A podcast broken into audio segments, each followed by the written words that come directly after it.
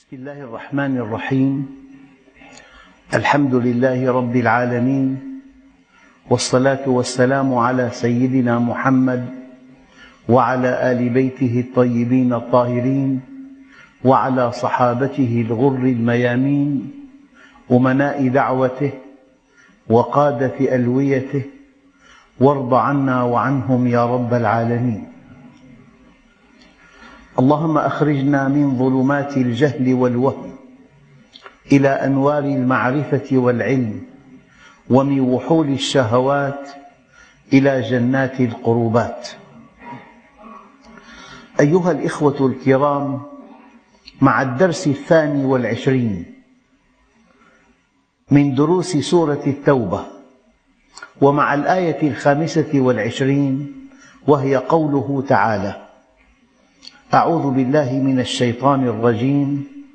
لقد نصركم الله في مواطن كثيرة.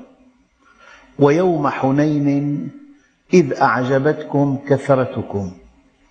فلم تغن عنكم شيئا وضاقت عليكم الأرض بما رحبت. ثم وليتم مدبرين.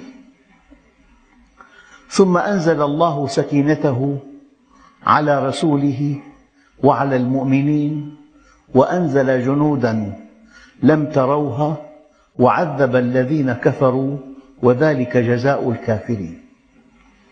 أيها الإخوة الكرام هذه الآية لها معنى متعلق بالتوحيد والتوحيد هو الدين. والتوحيد ألا ترى مع الله أحدا. والتوحيد أن توقن أنه لا فاعل إلا الله ولا معطي إلا الله ولا مانع إلا الله ولا رافع إلا الله ولا خافض إلا الله ولا رازق إلا الله ولا معز إلا الله ولا مذل إلا الله. وما من خطأ متعلق بالشرك الخفي إلا ويعالج من قبل الله جل جلاله معالجة سريعة. فهؤلاء الصحابة الكرام على علو قدرهم وعلى أنهم نخبة البشر وعلى أنهم صحابة سيد البشر حينما اعتدوا بعددهم ولم يوحدوا شاء التأديب الإلهي مع أنهم في أعلى درجة من القرب من الله عز وجل. الله عز وجل يقول لقد نصركم الله في مواطن كثيرة. في بدر افتقر الصحابة إلى الله. ولقد نصركم الله ببدر وأنتم أذلة بمعنى مفتقرون إلى الله. إن أردت أن تأخذ من الله كل شيء افتقر إليه. الافتقار ليس أدبا فحسب بل هو واقع. نحن لا شيء. أنت بالله عالم وبالله قوي وبالله غني وبالله حكيم. أما إذا اعتددت بما توهمت بما توهمته قوة لك فأنت لست قويا ولا حكيما ولا عالما ولا غنيا. أخواننا الكرام لو تتبعنا آيات القرآن الكريم في أكثر مواطنه نجدها تحوم حول محور واحد ألا وهو التوحيد. وقد قيل ما تعلمت العبيد أفضل من التوحيد. يعني من هؤلاء الذين عالجهم. ربنا جل جلاله هم أصحاب سيد الخلق هم نخبة البشر هم الذين اصطفاهم الله عز وجل ليكونوا أصحاب رسول الله صلى الله عليه وسلم. ومع ذلك حينما في ساعة من الساعات توهموا أنهم كثر وأن عددهم كبير وأن النصر حليفهم جاء التأديب الإلهي فجاءت الآية الكريمة لقد نصركم الله ببدر وأنتم أذلة. آية أخرى آية اليوم لقد نصركم الله في مواطن كثيرة. وكل واحد منا له أيام مع الله. وحينما قال الله عز وجل وذكرهم بأيام الله. يعني أيها المؤمن في يوم ما رجوت الله أن يوفقك فوفقك الله. رجوت الله أن يشفيك من هذا المرض فشفاك الله. رجوت الله أن يرزقك زوجة صالحة فأجابك الله. أن يرزقك أولادا صالحين فاستجاب الله لدعائك. فالإنسان المفروض بالمؤمن أن يتذكر فضل الله عليه. يعني المؤمن شاكور وشاكر. شاكر اسم فاعل وشكور كثير الشكر. فحينما ترى فضل الله عليك أنت أقرب شيء أقرب المخلوقات إلى الله. إذا تذكرت فضل الله عليك في إنسان يتذكر قوته يعتد بقوته يعتد بنسبه يعتد بماله يعتد بمنصبه. أما المؤمن وهو في أعلى درجات القوة يرى افتقاره إلى الله. الحقيقة أن الإنسان بين التولي والتخلي. التولي والتخلي حالان يرافقان كل مؤمن في أي وقت. في أي وقت تقول الله يتولاك الله. وفي أي وقت تقول أنا يتخلى الله عنك. مهما ارتقيت في مراتب الإيمان حينما تتوهم لدقيقة واحدة أن هذا الفعل الذي أجراه الله على يديك هو من اختصاصك أو من خبرتك أو من ذكائك أو من حكمتك يأتي التأديب الإلهي. لذلك المؤمن دققوا لا يشهد عمله ولكنه يشهد فضل الله عليه. فإذا أراد ربك إظهار فضله عليك خلق الفضل ونسبه إليك. في دراستك ممكن أي طالب أن لا ينجح في الامتحان على الرغم من دراساته المتعمقة جدا. ممكن لمريض أن يكون هذا المرض سبب موته. يأتي الشفاء الإلهي. ممكن أن ترزق بزوجة تريك النجوم ظهرا كما يقال. ويمكن أن يرزقك الله زوجة صالحة. تسرك إن نظرت إليها وتحفظك إذا غبت عنها وتطيعك إن أمرتها. فأنت حينما توحد حينما تتبرأ من حولك وقوتك وتلتجئ إلى حول الله وقوته والدعاء الذي ينبغي أن تقوله قبل كل عمل اللهم إني تبرأت من حولي وقوتي والتجأت إلى حولك وقوتك يا ذا القوة المتين. الحقيقة هذه الآيات التي أمامنا تعلمنا التوحيد تعلمنا التوحيد ونحن بحاجة إليه. أنا لا أبالغ في كل دقيقة من دقائق حياتنا أنت أمام مشكلة يجب أن تحل أمام عقبة يجب أن تتجاوزها أمام ضائقة يجب أن تنجو منها. أمام عدو حاقد يجب أن تنجو من حقده. فهناك أخطار محيطة بالإنسان في كل وقت وفي كل زمان وفي كل مكان. وهذه الأخطار هي محفزات للتوحيد محفزات لمعرفة الله. ولا أقول ولا أبالغ إن هذا الدرس اليوم يحتاجه كل واحد منا في كل يوم بل في كل ساعة. إما أن يعتد بقوته أو بعلمه أو بخبرته أو بمنصبه أو بشهادته أو بنسبه أو بإمكاناته أو بماله حينما يعتد بهذا الذي بين يديه وينسى فضل الله عليه وقع في مطبة اسمها الشرك الخفي. وقد ورد في بعض الآثار النبوية أخوف ما أخاف على أمتي الشرك الخفي. أما إني لست أقول إنكم تعبدون صنما ولا حجرا ولكن شهوة خفية وأعمال لغير الله. أخواننا الكرام الشرك الجلي واضح. أن تعبد بوذا مثلا كما يفعل من في بعض البلاد في شرق آسيا.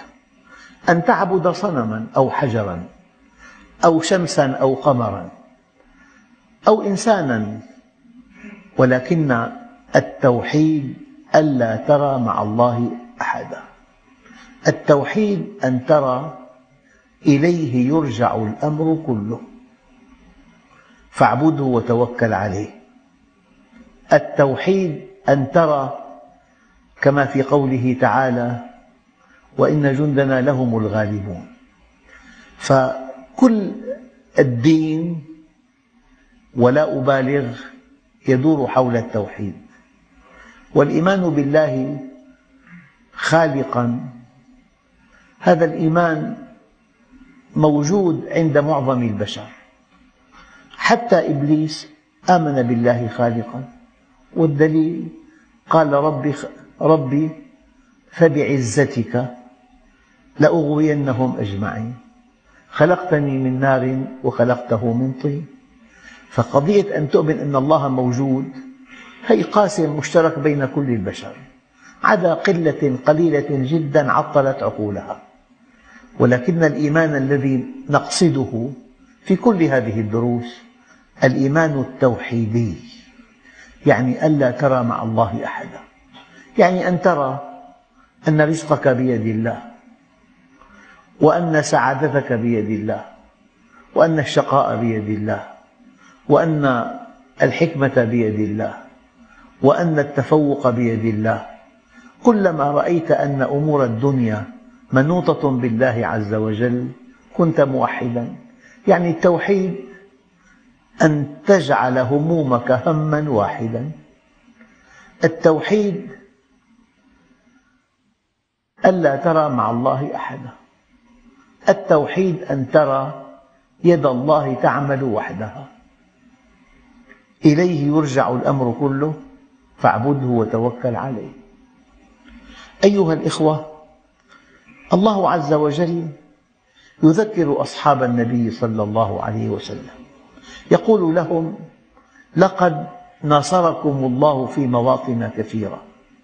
يعني الصحابة الكرام شباب ضعاف فقراء.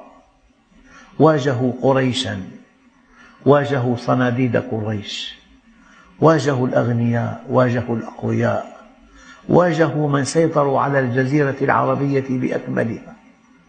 لكن الله معهم وإذا كان الله معك فمن عليك وإذا كان عليك فمن معك. ويا رب ماذا فقد من وجدك وماذا وجد من فقدك.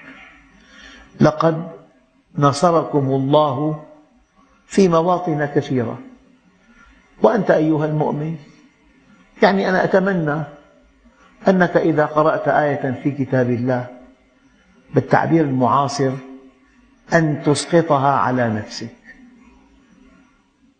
أنت كشاب وقعت في عدة مواقع محرجة كيف نجاك الله منها؟ لك طلبات عند الله بدت لك في وقت ما مستحيلة كيف تحققت؟ كنت بحاجة إلى عمل، إلى زوجة، إلى بيت، إلى أولاد. يعني الله يسر لك زواجك، يسر لك عملك. يعني رزقك أولاد. فأنت حينما ترى أن ما أنت فيه ليس بذكائك ولا بخبرتك ولا بحنكتك ما أنت فيه فضل الله عليك. هذه الرؤية هي محض الإيمان. أن ترى دائما فضل الله عليك. هذا من فضل ربي. ليبلوني أأشكر أم أكفر؟ دخلت إلى بيت. الحمد لله الذي آواني وكم ممن لا مأوى له. يعني استيقظت صباحا معافى في جسمي. الحمد لله الذي رد إلي روحي وعافاني في بدني وأذن لي بذكره.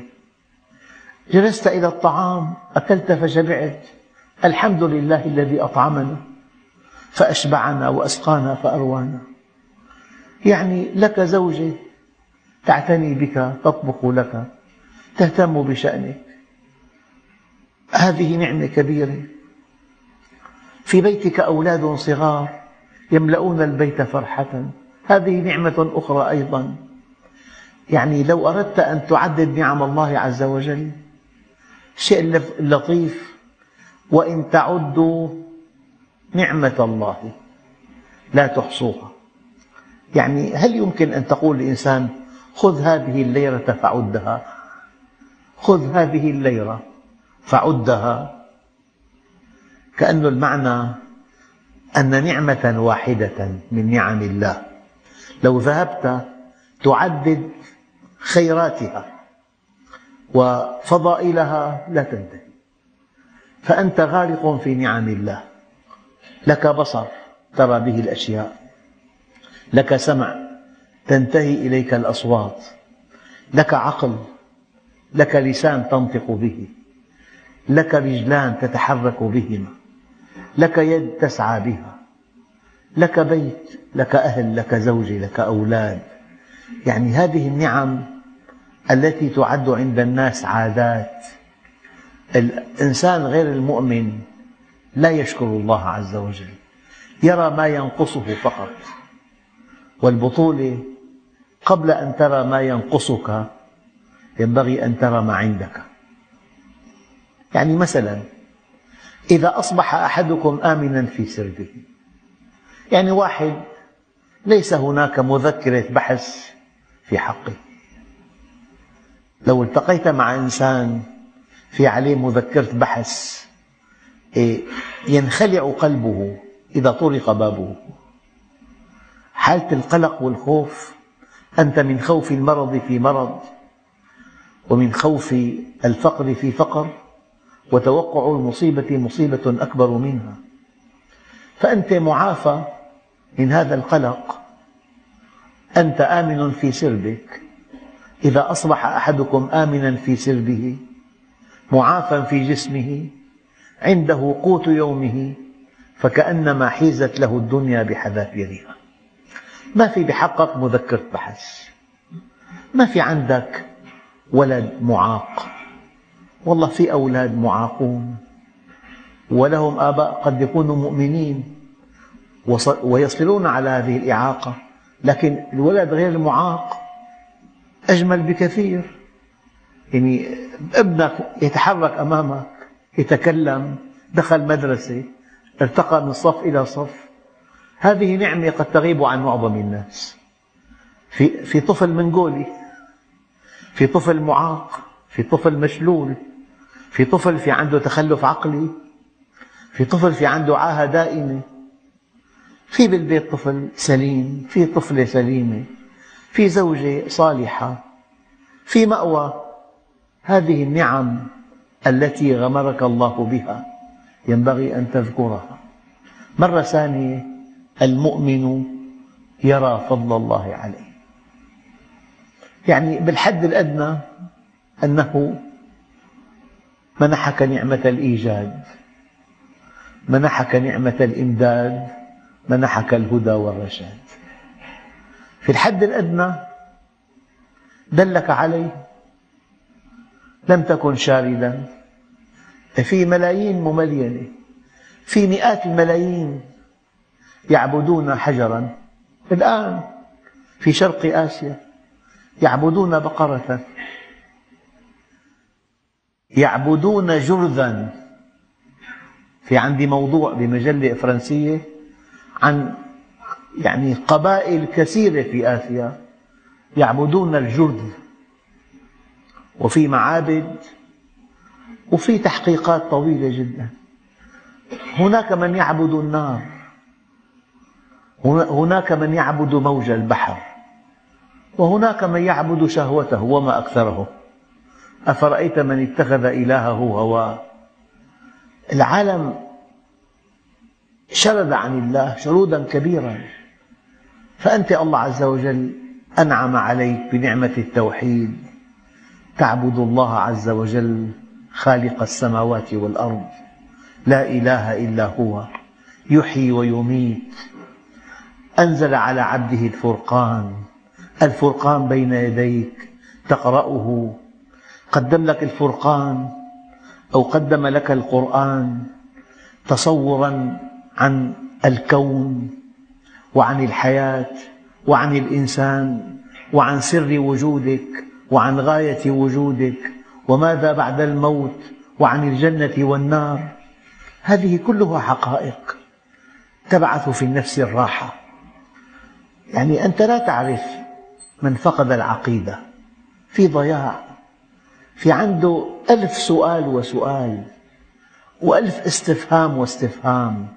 في عنده قضايا عالقة قضايا ما لا جواب. هذا الدين العظيم. قدم لك تصورا دقيقا عميقا شموليا عن الكون والحياة والإنسان. فلذلك تذكر فضل الله عليك. من هذا الفضل الذي أشير في هذه الآية إلى الصحابة الكرام لقد نصركم الله في مواطن كثيرة.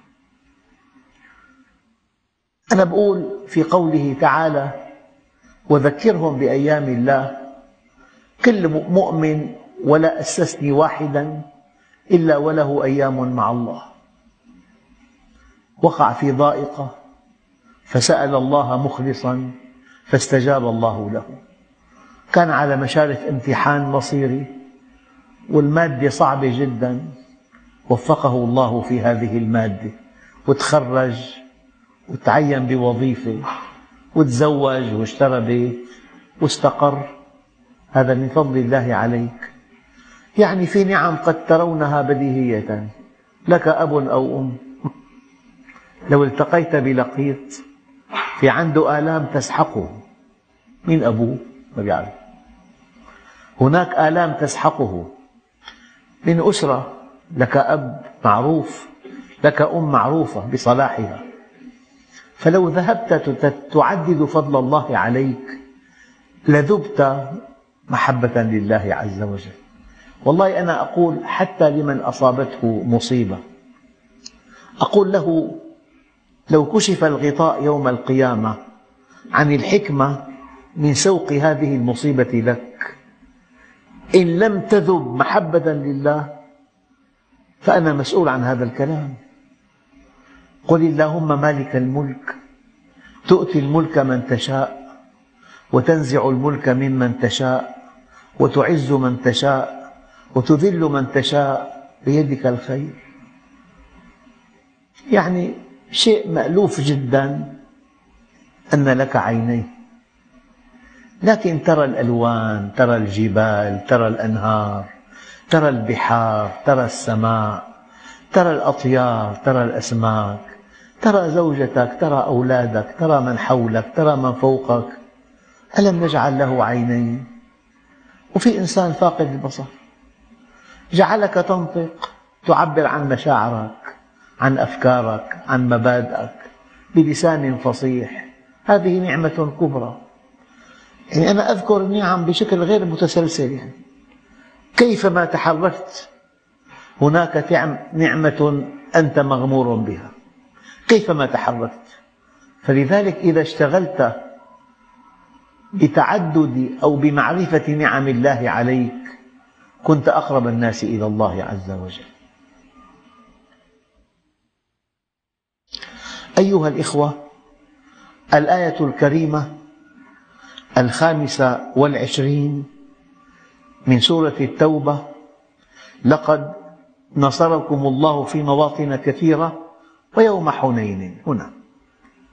الوضع الطبيعي هناك نعم أنت مغمور بها لكن أحيانا بتكون في نعمة كبرى ساقها الله إليك وتوهمت أنت أنها من جهدك ومن بطولتك ومن, ومن إمكاناتك. هنا وقعت في شرك خفي. ويوم حنين إذ أعجبتكم كثرتكم. فلم تغن عنكم شيئا وضاقت عليكم الأرض بما رحبت ثم وليتم مدبرين. أخواننا الكرام لا يغيب عن أذهانكم أن الله سبحانه وتعالى حينما وصف المؤمنين بأنهم يتلون القرآن حق تلاوته يتلونه حق تلاوته. وأذكركم بأن من حق التلاوة أن تقرأه بلغة عربية صحيحة. لذلك سيدنا عمر قال تعلموا العربية فإنها من الدين. ومن حق تلاوته أن تقرأه قراءة مجودة إن أمكن. يعني شيء جميل جدا أن تتعلم قواعد التجويد. ومن حق تلاوته أن تفهمه. ومن حق تلاوته أن تطبقه. ومن حق تلاوته أن تتدبره. والتدبر يعني عملية دقيقة جدا أن تعرض نفسك على كل آية تقرأها أين أنت منها؟ هل أنت مطبق لها؟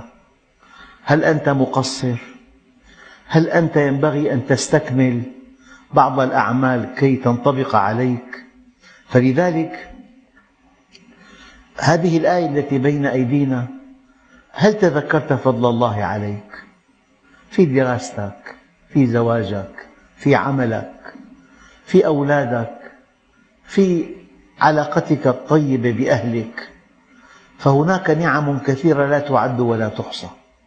لذلك الآية الكريمة هي موجهة للصحابة لكن نحن أيضا ينبغي أن نسقطها على أنفسنا. لقد نصركم الله في مواطن كثيرة ويوم حنين. هنا هذا الدرس البليغ أن قمم البشر أصحاب رسول الله وقعوا في شرك خفي فاستحقوا التأديب. فأنت من؟ من أنت أمام سيدنا سعد سيدنا عمر سيدنا الصديق؟ هؤلاء نخبة البشر وكانوا حول سيد البشر ولما اعتدوا بعددهم وقالوا في أنفسهم لن نغلب من قلة. لن نغلب من قلة. الله عز وجل ساق لهم درسا لا ينسى. في بدر انتصرتم لأنكم افتقرتم. أما في حنين خذلتم لأنكم اعتددتم بعددكم. فإذا كان هذا الدرس البليغ ينطبق على أصحاب رسول الله وهم قمم في الكمال فلأن ينطبق على كل مسلم من باب أولى. ويوم حنين إذ أعجبتكم كثرتكم فلم تغن عنكم شيئا. لذلك قيل يؤتى الحذر من مأمنه. يعني مثلا طبيب رئيس قسم الأمراض الباطنية في الجامعة. يعني طبيب أمضى ثلاثين عام في الأمراض الباطنية. أحيانا يتوهم أنه محصن من هذه الأمراض. والشيء الغريب كأنه يعتد أنه هو اختصاصه. يصاب أستاذ الأمراض الباطنية بقرحة في المعدة. أحيانا. مرة لقيت طبيب بأمريكا. هيك وضع وضعه النفسي. سألته قال لي والله الحمد لله. اختصاصكم قال لي والله أنا طبيب قلب. معه احتشاء بقلبه. يعني أحيانا الإنسان دون أن يشعر يعتد باختصاصه فيؤتى من مأمنه. البطولة أن تفتقر إلى الله. البطولة ألا ترى مع الله أحدا. البطولة أن ترى ما أنت فيه فضل من الله عليك. لذلك أقول دائما المؤمن لا يرى عمله يرى فضل الله عليه. الله وفقك بالدعوة ليس بذكائك ولا بقوة شخصيتك ولا بطلاقة لسانك ولا باتساع علمك ولا بحكمتك هذا التوفيق الذي أنت فيه من فضل الله عليك. تدخل لبيتك بتلاقي زوجة صالحة أولاد يعني أصحاء في معك ثمن طعامك معك مأوى. الحمد لله الذي آواني وكم ممن لا مأوى له. عود نفسك أن ترى نعم الله عليك. عود نفسك إذا استيقظت إنسان استيقظ يعني في ستة آلاف مليون إنسان كل يوم يستيقظون. لما كان النبي يستيقظ ماذا يقول؟ الحمد لله الذي رد إلي روحي. أنا بعرف شخص نام صباحا ما استيقظ وجد ميتا. إذا إنسان استيقظ الحمد لله الذي رد إلي روحي. بعدين وقف مشي توضأ صلى وعافاني في بدني. بدأ يومه بالذكر والصلاة. الحمد لله الذي رد إلي روحي وعافاني في بدني وأذن لي بذكره. يعني مرة إنسان تبرع في بيت ببيت لجمعية خيرية أقيم له حفل. عريف الحفل ألقى كلمة بس دقيقة. قال له أيها المحسن الكريم كان من الممكن أن تكون أحد المنتفعين بجمعيتنا وأن تقف في صف طويل معك الهوية. ينبغي أن تبصم لثلاثمئة ليرة قبل العيد.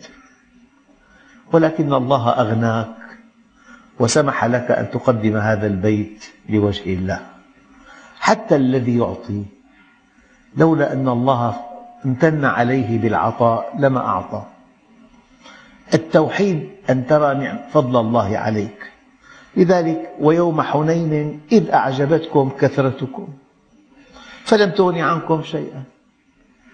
أحيانا تعجب بعلمك يعني في طبيب بمدينة بقطر مجاور يعد الأول في اختصاصه. فزاروا صديقه أو زميله الطبيب باختصاص آخر فقال له أنا أقوى طبيب بالمنطقة. ارتكب خطأ مع مريض لأول مرة في تاريخ هذا القطر تسحب من طبيب شهادته. صدر قرار بسحب الشهادة من هذا الطبيب. لا تقول أنا قل الله. أنت بين التولي والتخلي. بتقول أنا بتخلى عنك. بتقول الله بيتولاك. قمم البشر الصحابة الكرام قالوا في بدر الله فانتصروا وقالوا في حنين لن نغلب من قلة فلم ينتصروا. ويوم حنين إذ أعجبتكم كثرتكم فلم تغن عنكم شيئا. والله إذا جاء القدر كما يقال عمي البصر. إذا جاء القدر لا تنتفع لا بعلمك ولا بمكانتك ولا بعلاقاتك ولا بالأقوياء الذين يقدرونك. لا تنتفع إلا بفضل الله عز وجل. إذ أعجبتكم كثرتكم فلم تغن عنكم شيئا. وضاقت عليكم الأرض بما رحبت. يعني في تأديب من الله لطيف أنه في أي لحظة تعتد فيها بقوتك كل المنافذ الأرضية تغلق أمامك. جميع الأبواب تصبح مغلقة إلا باب السماء. قال لي أخ يعني دخل فقد حريته. قال لي بقيت سنة وشهرين. السنة بأكملها أحاول أن أوظف أشخاصا كي يطلق سراحي بعد مضي اثني عشر شهرا لم تنجح كل محاولاتي. فتركت البشر واتجهت إلى خالق البشر. صار يصلي يقوم الليل يسأل الله في جوف الليل حتى امتن الله عليه بإطلاق سراحه. يعني هذا درس بليغ. حاول أن تتجه إلى الله وحده. حاول أن تعقد الأمل على على فضل الله وحده. نعم. ويوم حنين إذ أعجبتكم كثرتكم فلم تغن عنكم شيئا وضاقت عليكم الأرض بما رحبت ثم وليتم مدبرين. حكمة بالغة. يعني عدد كبير. عشرة آلاف مقاتل يولون مدبرين. لكن العلاج الإلهي جاهز. ثم أنزل الله سكينته. الراحة النفسية الثقة بالله. الافتقار إلى الله. الاعتماد على الله. ثم أنزل الله سكينته على رسوله وعلى المؤمنين وأنزل جنودا لم تروها وعذب الذين كفروا وذلك جزاء الكافرين. هذا الدرس صدق ولا أبالغ. يعني يمر به المؤمن في اليوم عدة مرات لمجرد أن يعتمد على ما يتوهم أنه من قدراته اختصاص شهادة منصب ذكاء حكمة أقارب شبكة علاقات يتخلى الله عنه. وكل من حوله يفاجئونه بتخليهم عنه. فإذا اتجه إلى الله وحده الله عز وجل وفقه. فأنت هذا الدرس درس بليغ ويحتاجه كل واحد منا. اعتمد على الله وحده. خذ الأسباب وكأنها كل شيء ثم توكل على الله وكأنها ليست بشيء. الموقف الكامل أن تأخذ بالأسباب وكأنها كل شيء ثم تتوكل على الله وكأنها ليست بشيء. طبعا سهل جدا أن تأخذ بالأسباب وأن تعتمد عليها وأن تنسى الله. والأسهل منه ألا تأخذ بها وتتواكل على الله. وكلاهما طريق غير صحيح. البطولة أن تأخذ بالأسباب وكأنها كل شيء ثم تتوكل على الله وكأنها ليست بشيء. ثم أنزل الله سكينته وهي السكينة تسعد بها ولو فقدت كل شيء وتشقى بفقدها ولو ملكت كل شيء. الراحة النفسية الثقة بالله الشعور بالاعتداد بالله عز وجل على رسوله وعلى المؤمنين وأنزل جنودا لم تروها وعذب الذين كفروا وذلك جزاء الكافرين. هذا الدرس مر به أصحاب رسول الله ويحتاجه كل مؤمن إلى يوم القيامة. بأي مجال؟ أيام بالتجارة أيام بالصناعة أيام بالوظيفة أيام بالدراسة أيام بالمعالجة الصحية. يعني تتجه إلى الأطباء وتنسى خالق الأطباء. تلاقي الطرق كلها مسدودة. ثم تتجه إلى الله تفتح لك الأبواب. فأنت استفد من هذه التجربة التي مر بها الصحابة الكرام. وحاول أن تعقد الأمل على الله وأن تتوكل على الله وأن ترجو الله وأن تستقيم على أمر الله تمهيدا للدعاء الذي يقبله الله جل جلاله. والحمد لله رب العالمين.